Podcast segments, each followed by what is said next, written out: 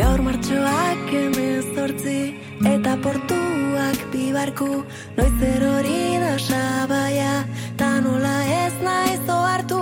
Bizitzak eraman zaitu, zen eraman lekuraino.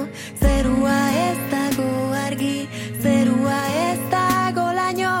Au, Gaurko tokiko informazioaren eh, tartean, Tolosa bisitatuko dugu, Tolosara joango gara, yoga onkologikoa terminoa entzuna duzu noiz baiten zule, ba, gaur e, gai hau e, mamituko dugu. Minbiziaren aurkako elkarteak doako yoga ikastaroan antolatu du, Tolosako Paraxakti eskolan, minbizi prozesua igarotzen ari diren e, herritarrentzat, otxailaren hogeita batean, asteazken honetan hasiko da, eta apirilaren amarrera arte luzatuko da, asteazkenetan izango dira klaseak, amaikak eta laurdenetatik, ba, mabiter dietara. Parte hartu nahi dutenek izen eman beharko dute, minbiziaren aurkako elkartaren webguneko formularioa beteta, informazio gehiago eduki nahi duenak, ba, bederatzi lau iru, sei bost, bi bat lau iru telefonora deitu, edo gipuzkoa abildua kontra elkanzer.es e, elbidera idatzi dezake. Elkarteak pasaden urteko urrien ere antolatu zuen tailerra, eta harrera oso ona izan zuenez, ba, orain ere izango ditugu, tolosan zorionez, e, yoga onkolo onkologikoa lantzen duten ikastaroak, Raquel Rodríguezek emango ditu saioak, eta zorionez bat telefonaren beste aldean daukagu Raquel. Raquel, eguerdion. Eguerdion, zara. Zer modu zaude? Ba, primeran, oain zuekin hemen izketan, joga onkologikoari buruz, ez beto. Raquel, e, yoga onkologiko tailerrak ematen dituzula ipatu dugu. Bi itzelkartuta, e, yoga eta onkologikoa, e, onkologia nolako praktika berezia sortu daiteken. Tira, Raquel, zer da yoga onkologikoa nola praktikatzen da? Bai, bida, yoga onkologikoa e, azkenean da e, yoga tradizionalatik e, torridan yoga mota espezifiko bat, bai. e, nun zehazki moldatzen gara, ba, minbizian biziari diren pertsonen egoerari, bakoitzari, ez? E, adibidez, ba, jata jogaren lerrotik e, datorren joga izanik, baita ere, yoga terapeutikoa edo traumakeko sentikorra den yoga, ere, e, bueno, barneratzen ditu, eta tresna guzti horiekin, ba, minbiziaren, minbizia duten pertsonei zuzendutako yoga eskolak eskaintzen dira, errehabilitazio fisiko eta emozionalara zuzenduta daudenak. Bai. Horretan akonpainatzeko, e, ba hori, prozesu horretan dauden pertsonei. Orduan, ba, bueno, hori, hori da oinarria, nola bai. esateko. Errehabilitazio fisiko eta emozionala ipatu dituzu, Raquel. E, guk, ideia, ideia bat egiteko, zein eragin fisiko eta ze eragin emozional e, ditu, minbizia duen pertsona batengan, e, yoga onkologikoak? Hmm. Bueno, e, aipatu nahiko nuke ere bai, bai, yoga onkologikoak e, egiten duena da azkenean osagarri bat da, ez? Mm Tratamendu e, konbentzionalentzako osagarri egoki bat. E, ez dugu esaten inoiz, ba, tratamenduak utzi behar direnik, baizik eta justiz kontrakoa ez, tratamenduak e, jasotzen ari diren pertsonei, pues, horientzako egokia dala. E, zenbait ikerketa zientifiko babesten dute yoga onkologikoa, hori e, horrela bideratuta ez, e, terapia e, komplementaria bat dezela edo, osagarria izan daiteken, e, ba, ba hori, e, terapia bezala. Bai. Eta, bueno, dauzken onurak, ba, e, alde fizikoan adibidez, ba, e, kaltetutako muskuluak eta eunak margutzen eta erlaxazten laguntzen du. Artikulazioak ere deskomprimitzen laguntzen dituz askotan tratamenduak kimioterapia, ba, olako tratamendu artikulazioak ere komprimituta uzten dizkigute, ez da, ba, hortan ere laguntzen du gero ba, tratamenduek eragindako nekea ere askotan oso oso nekatuta sentitzen gara, ba, kimioterapia bat jasotzen dugunean, ez da, ba, hori ere arintzen e, lagundu dezake eta, eta bueno, ba, sistema kardiobaskularrerako, ezurretarako, e, horretarako, horretarako ere ona da, indartzen laguntzen digu, eta nervio sistema alde hau oso, oso garrantzitsua da, nervio sistema erregulatzen edo lasaitzen e, laguntzen digu eta horrek onura piloa dauzka zeloaren kalitatea hobetzen du ere, ba, e, sistema edo nervio sistema hori ondo regulatuta dagoenean, erlajaziora sartzen garenean, ba, beste alde hori estresarena, ez emozionaren emozioena, ba, nola baitere hobeto kudeatzen e, laguntzen digu. Eta badauka ere beste alde oso interesgarri bat, bai. dana azkenean taldean praktikatzen denez, ba, zareak sortzeko aukera polita ere badala. e, azkenean, pos, askotan, olako prozesu bat bizitzen ari garenean, kostatzen zaigu, ez, e, ba, eroso sentitzea toki askotan, edo guretzako egokia dan e, ariketa edo mugimenduak aurkitzea, eta, ba, bueno, topatzea e, toki seguru bat dana guretzako, nun, mm, gure egoera antzekoa, ez da inoiz berdina izango, bakoitzak bere prozesua bizi duelako e, minbizia duenean, baino, bueno, ba, bakoitzaren egoera besteak ulertu dezake, ez? Orduan, e, hori partekatzen edo elkarbanatzen den toki bat ere egotea, sareak sortzeko e, aukera polita da eta eta izaten da oso erlazio politak sortzen dira olako, olako eskolatan ere bai. Bai, e, Raquel, galdetu nahiko nizuke, nolatan hasi zinen zu e, yoga onkologikoa praktikatzen? Ba, egia esan, e, bueno, nik bizia izan nuen. Uh Orain dela zazpi urte, Bai. E, bulorreko minbizia izan nuen, eta, bueno, ba, ebakuntza egin zidaten, gero kimioterapia eta radioterapia, eta, bueno, nire prozesua biziari nintzela. E, aurretik yoga, bueno, ezagutzen nuen, praktikatu izan nuen, baino beste, nire bizitzako beste momentu batean. Justo bai. balanean, toperan enbilenean, e, ni ere kazetaria naiz. Ai, ba.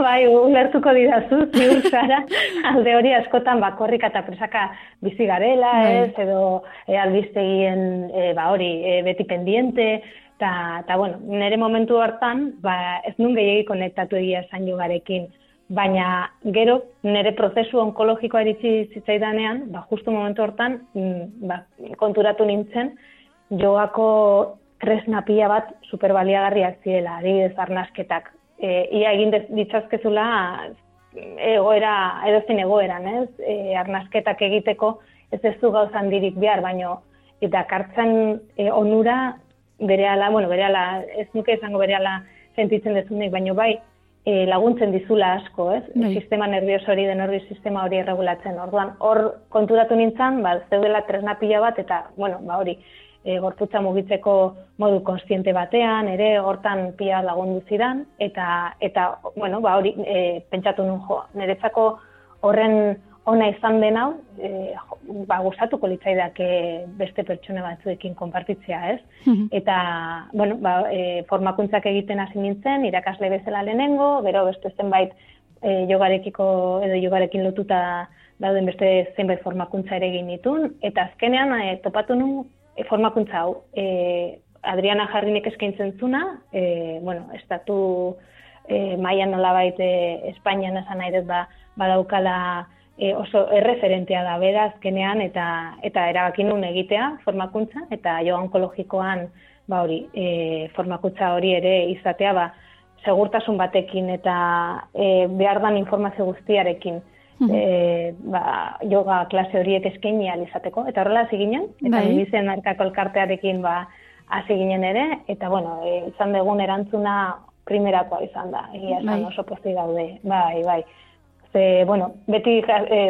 pasatzen diete galdetegi munduko bat, kurtsoak edo ikastaroak amaitzen ditugunean, bai. eta, bueno, e, erantzunak die, pues, orokorrean, ba, hori, to, bilatu dutela, erlasatzeko toki bat, prozesu horren erdian, oso zaila dana, e, ba hori, orokorrean lasaitasunera bideratu dietela, e, oso gustora egon diela, ba, ba hori, mm, lasaitasuneko momentu bat, eta aldi be, berean gorputza, gorputza mugitzean ere, ba, mugimendu horre mm, lagundu dietela e, ere bai.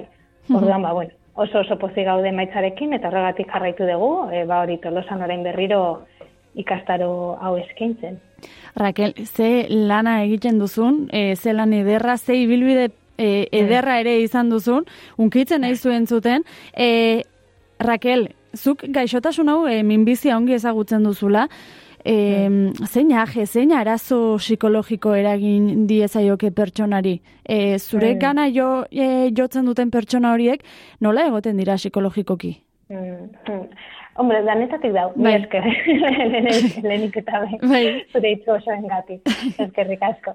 E, ba, bida, e, nik pentsatzen dut azkenean, bakoitza bere prozesua bere modura e, bizitzen dula, ez? Hmm. Egia da, e, bueno, ba, minbizia dauzkan e, izen potolo horrek eta e, izan diteken e, ba, kontsekuentzik ere kontutan izanik, pues, claro, azkenean beldur handia beti hor dago, ez? E, nola ere, mm, eriotzarekin aurrez aurre jartzen zaitun e, gaixotasun bat da, ez? Bai. Orduan, beti orokorrean, ba, beldurra hor dago, hor dago. Handiagoa edo txikiago izan daiteke, eta bakoitzak bizi dezake beldur handiagoarekin edo pixka gutxoarekin, baina nik uste, ba, beldurra dala e, ba hori. E, emozionalki gehien e, agertzen dan emozioa edo. Baina horrekin lotuta, pues, ansiedadea dago, edo depresio egon daiteke, orduan, karo, bildur horrek, ez, e, zenbait bide arditzazke. Eta hauek izan daitezke, orokorrean, ba, ansiedadea horra egoten da geri, kasu batzuetan depresioa ere, ere bai, orduan, bueno, pues, alde hori kudeatzeko, e, egila da jogak tresna oso onak ditula, ez bakarrik yoga onkologikoak, yoga orokorrean, ez? Bai. E, arnazketak, kontzientzeak, e, mugimenduak berak, mm, erlaxazioak, dauzkan tresna guzti bideratuta daude, ba, horretara, ba, mm, momentu,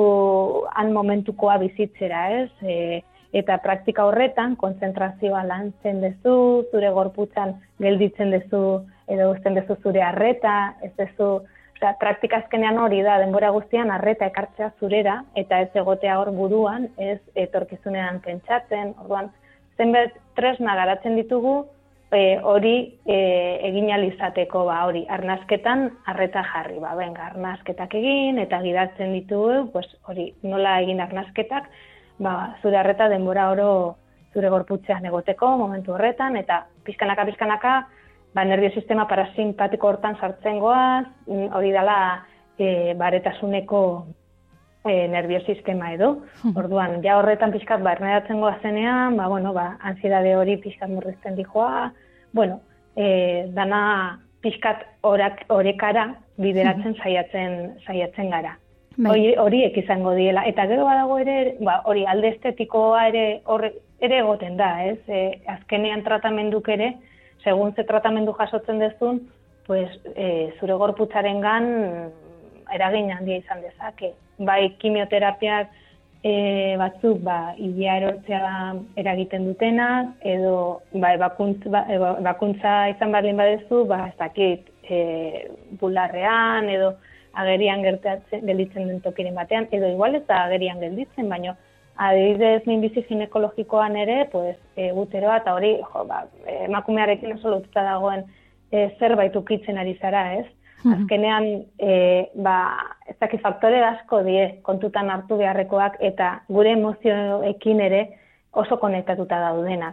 Orduan, bai, dago superbildur hori, gero minbiziarekin lotutako beste zenbat faktore, ba, e, estetikoak eta barrukoak ere bai, eta, bueno, gauza asko. Eta horre adibidez, ba, estetika horretan edo kanpora begira nola aldatu dan zure itxura hortan, ba, zarearena e, horre oso garrantzitsua da. Ze hor, ba hori, topatu dezakezu zu bezala dagoen edo gondan beste pertsona bat zapiarekin edo zapiari gabe, ez? Mm -hmm. Ba, hori gabe gelditu dana edo ba, igual zure gorputzare aldatu da tratamenduak izan diela eta pisua galdu dezu edo hartu dezu, eta horrez ez dago zertan esplikazio handirik eman dian. Ze guztiek badakigu zer, dak, zer da horren atzetik, ez? Ez, ez gea, e, momentu, gure bizitzako momentu horretan ez gea e, ez gaude e, epaitzen ondokoa, eh? beste begirada batean orokorrean gaude. Eta hori, e, lehen esaten izun segurtasun espazio hori, nik uste hori ere badela, ez? E, horretarako, ez? Ziur, sentitzeko, seguru sentitzeko, bai edo zein e, alderdi begiratuta, bai fizikoa, zein, zein emozionala. ba, Raquel Rodríguez, e, agortu zegu demora honen inguruan hitz egiteko, luzez, demora luzez egongo ginateke hemen, ni galderak egiten eta zu e, honen inguruan hitz egiten, yoga onkologikoaren inguruan hitz egiten, baina seguru beste batean ere hartuko dugula tartetxoa honen, e, honen inguruan hitz egiteko, esan bezala, eh? otxailaren hogeita batean, asteazken honetan hasiko da ikastaroa tolosan, eta pirilaren amarrera arte luzatuko da, Aste azkenetan izango dira klaseak, amaikak eta laurdenetatik e, amabiterdi eta e, amabiterdiak arte, parte hartu nahi dutenek izen eman beharko dute, minbiziaren aurkako alkartearen webguneko formularioa beteta, eta informazio gehiago nahi duenak bederatzi lau iru, sei bost, bi bat lau iru telefonora deitu, edo gipuzkoa bildua kontraalkanzer.es e, elbidera idatzi dezake, Raquel Rodríguezek emango dizkizue e, honen inguruko, ez, e, bueno, emango dizue yoga onkologikoa e, ikastaro hau, mila esker e, Raquel egiten duzun lanagatik, eta mila esker noski guri augustia saltzeko tartetxo bat e, egiteagatik ongi ongi izan. Mila eskertu egizara besarkadan dibat. Besarkada bat.